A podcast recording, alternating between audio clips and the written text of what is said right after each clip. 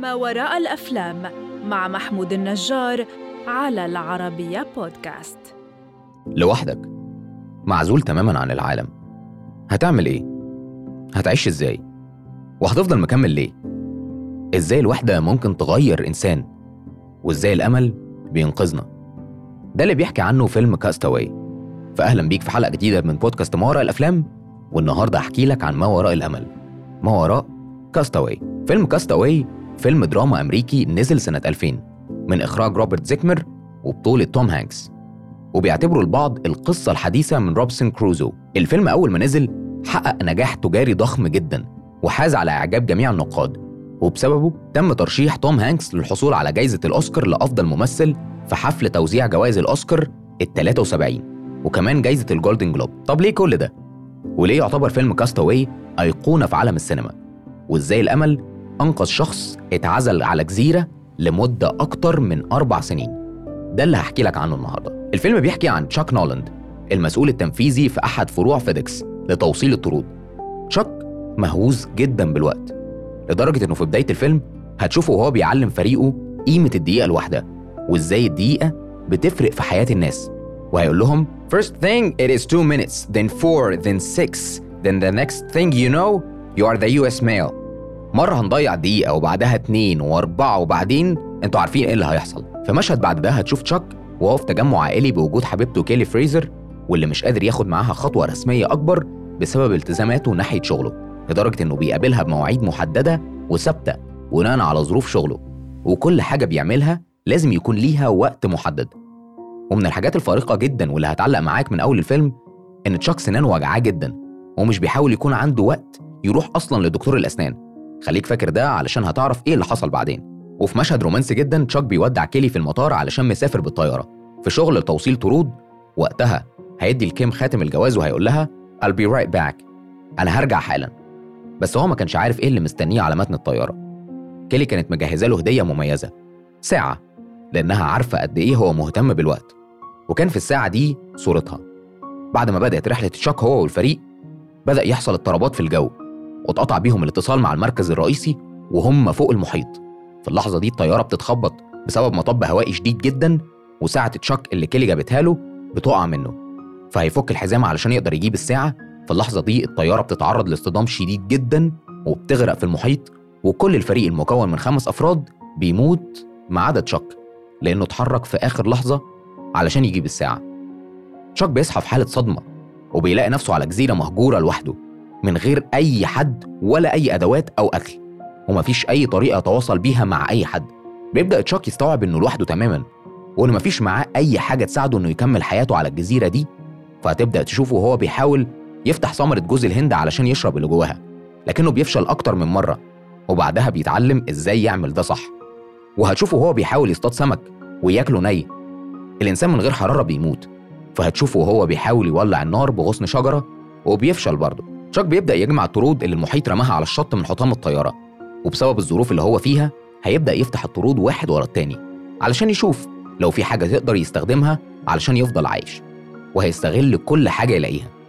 بس هيسيب طرد واحد طرد واحد بس هيكون عنده أمل إنه يوصله بنفسه لما يرجع وفي ظل الظروف البائسة اللي هو فيها هيكون في طرد مكتوب فيه رسالة The most beautiful thing in the world is of course the world itself. إن أجمل شيء في العالم هو العالم نفسه. جملة جميلة جدا. هيلاقي تشاك كرة طايرة وفي لحظة غضب وهو بيحاول يولع النار ويفشل هيرمي الكورة وهو متعصب جدا وإيده مجروحة.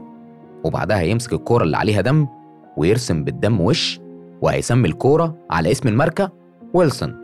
وهيكون ويلسون صديقه اللي بيهون عليه وحدته وبيشاركه في كل حاجة. خلال أيام تشاك الأولى على الجزيرة هيحاول يطلب المساعدة بكل الطرق اللي يعرفها. ففي مرة هيكتب هيلب على الشط بخط كبير جدا على الرمل. ولما يطلع في نقطة عالية هيلاقي إن الكلمة مش باينة.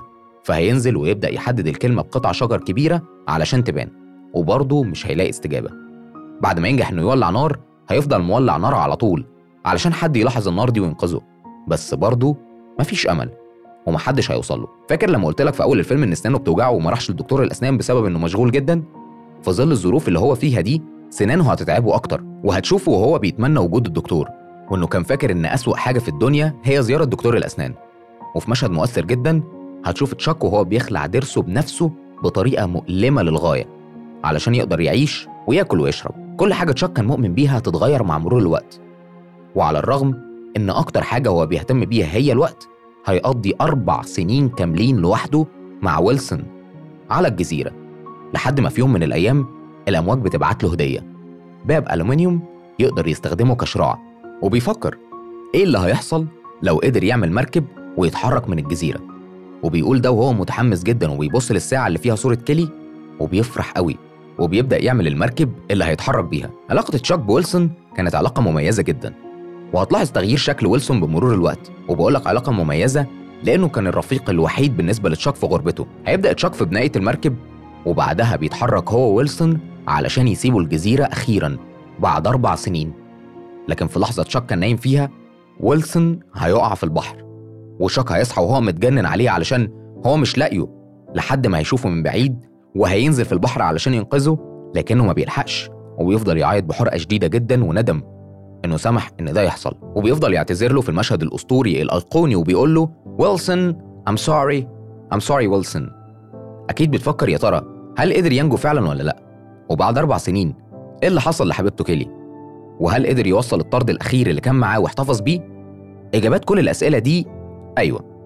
بس هو كان متخيل إنه هيرجع يلاقي حبيبته مستنياه وفرحانة جدا برجوعه. لكنه هيتفاجئ إنها اتجوزت وخلفت وكملت حياتها عادي جدا. وهنا جزء جميل ومختلف من الفيلم. لأن الفيلم ما خلصش إن البطل لقى البطلة واتجوزوا وعاشوا مبسوطين. لا للأسف البطل وصل للبطلة بس قصة حبهم ما كملتش.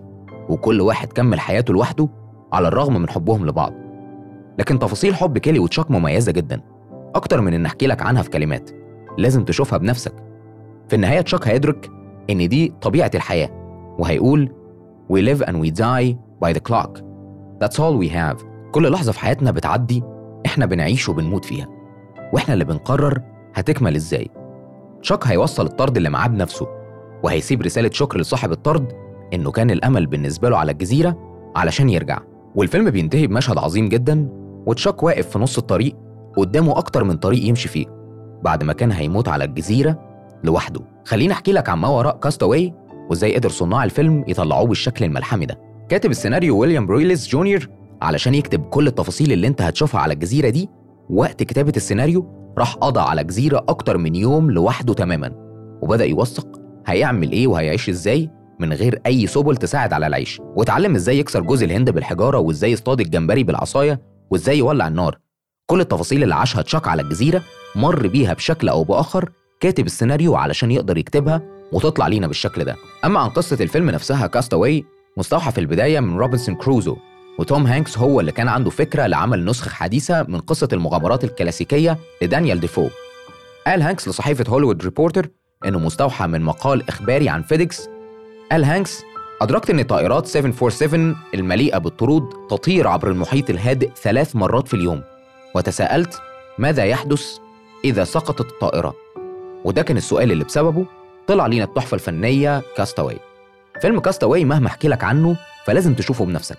وتتمعن في كل تفاصيله لأنك في نهايته هتلاقي اتغير جواك حاجات كتيرة جدا زي اللي اتغير جوا تشاك. ممكن تحس بالإحباط أو تقدر قيمة الحياة أكتر. شوف الفيلم دلوقتي واستناني الحلقة اللي جاية. أنا محمود النجار علشان نشوف سوا ما وراء فيلم جديد بمنظور ما وراء الأفلام وهستناك تشاركني شفت فيلم كاستاوي من أي منظور.